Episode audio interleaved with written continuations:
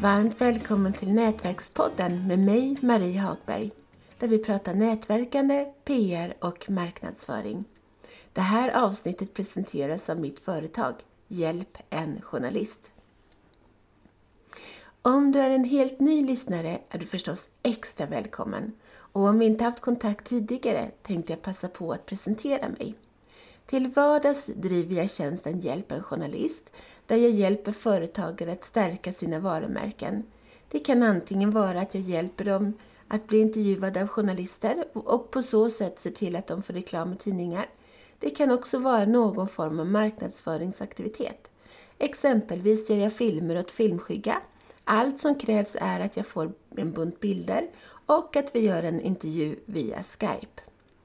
Andra kanske vill höras i Nätverkspodden och sponsra därför ett avsnitt. Men nog om det. Nu ska vi prata om något betydligt mer intressant, nämligen rubriker och ämnesrader. De här tipsen har jag tagit från Marie Forleos suveräna kurs The Copy Cure. Rubriker vet du vad det är? En ämnesrad är ungefär samma sak. Ämnesraden är det första du ser när du kollar in din e-post. Det är själva rubriken som ska locka dig till läsning av exempelvis ett nyhetsbrev, ett e-brev eller e-mail som vi säger på svengelska. Det var faktiskt ett av mina senaste nyhetsbrev som inspirerade till det här avsnittet. Det var nämligen ofattbara 69,5% av alla som öppnade det brevet, vilket är en sanslöst hög siffra. Som en jämförelse brukar det vara cirka 20 procent av alla nyhetsbrev som öppnas enligt en studie från IBM. Mitt brev öppnades alltså av mer än tre gånger så många som snittet. Hur lyckades jag så extremt bra kanske du undrar? Jo, lite ska du allt få reda på om du fortsätter att lyssna. Men först mer statistik. Om du är en alldeles vanlig kontorsarbetare får du i snitt 121 e-brev om dagen. Vilka av dem öppnar du först? Förmodligen de du har fått av din familj eller dina vänner och de med riktigt spännande ämnesrader. Ämnesraden avgör om ditt nyhetsbrev blir läst eller ej. I värsta fall så kan det utgöra skillnaden om ditt företag överhuvudtaget överlever. Så ämnesraden är den absolut viktigaste delen i ditt nyhetsbrev. Målet med ämnesraden är att du ska kasta dig över brevet för att läsa det så snabbt som möjligt. Om du inte bryr dig om att skriva bra rubriker eller ämnesrader kan du lika gärna be om att få gå i konkurs. Ämnesraden betyder allt. Det är den som avgör om något är värt din tid eller ej. Ämnesradens enda uppgift är att få dig att öppna nyhetsbrevet och vilja läsa mer. Men hur ska du göra för att få till en bra ämnesrad? Börja med att notera rubriker och ämnesrader överallt, antingen du är på sociala medier, sitter på bussen, står i kön i mataffären, överallt. Varje gång du ser en rubrik, fundera över om du vill läsa mer. Om du vill det, så var det en bra rubrik.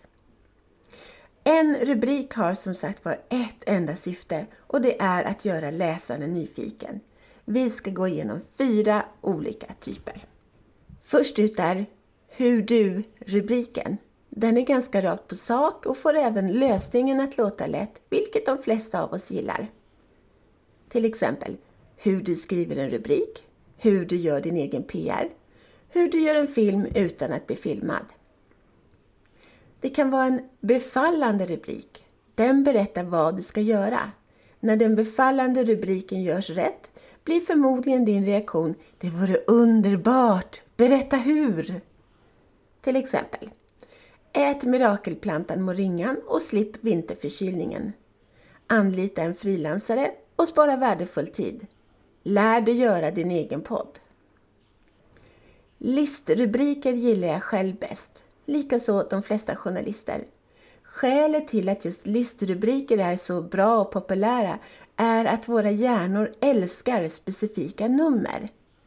Tre sätt att skriva rubriker. Fem anledningar till att börja blogga. Sju sätt att skriva ihop rubriker fortare. Du, fokuserade rubriker. Är du självcentrerad? Ja, det är du. Det är vi alla, mer eller mindre. Och det är därför en rubrik som Är du självcentrerad skulle kunna vara en superbra rubrik.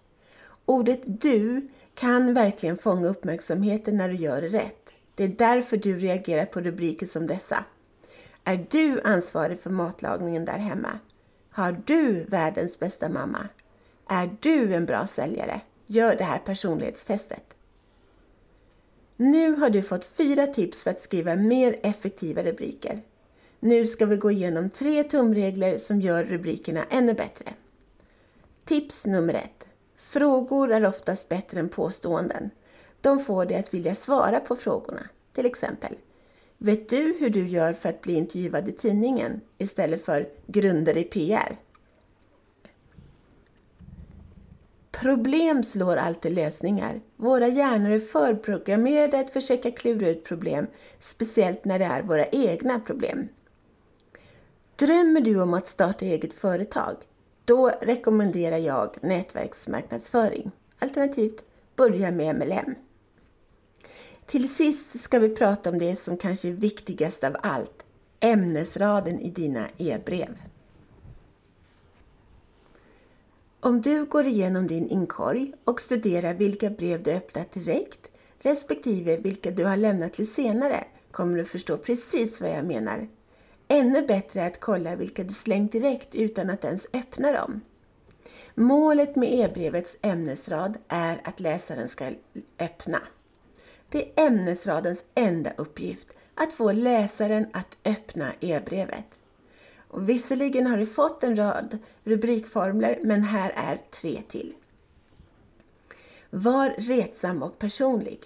Ämnesraderna ska se ut som om de skrevs av en, en vän till en annan. Jag är så exalterad! Eller mystiskt. Dra en liten historia.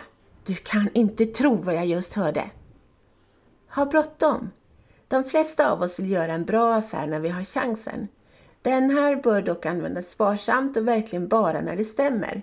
Ett exempel kan vara bara två platser kvar eller erbjudandet går ut vid midnatt. För att sammanfatta. En bra rubrik eller ämnesrad kan betyda skillnaden mellan liv och död för ditt företag. Men du har också fått tips på sju olika rubriker. Tycker du ändå att det verkar svårt att komma på rubriker och livsviktiga ämnesrader? Då har du två val. Du kan antingen försöka kämpa på helt själv med att försöka få till dem. Eller så kan du anlita mig. Hör av dig för en offert via marie hjälpenjournalist.nu Jag repeterar marie hjälpenjournalist.nu dock utan prickar över Ä. Stort tack för att du lyssnat ända hit. Det uppskattar jag verkligen. Hoppas att vi hörs igen på tisdag. Och varmt välkommen med din offertförfrågan.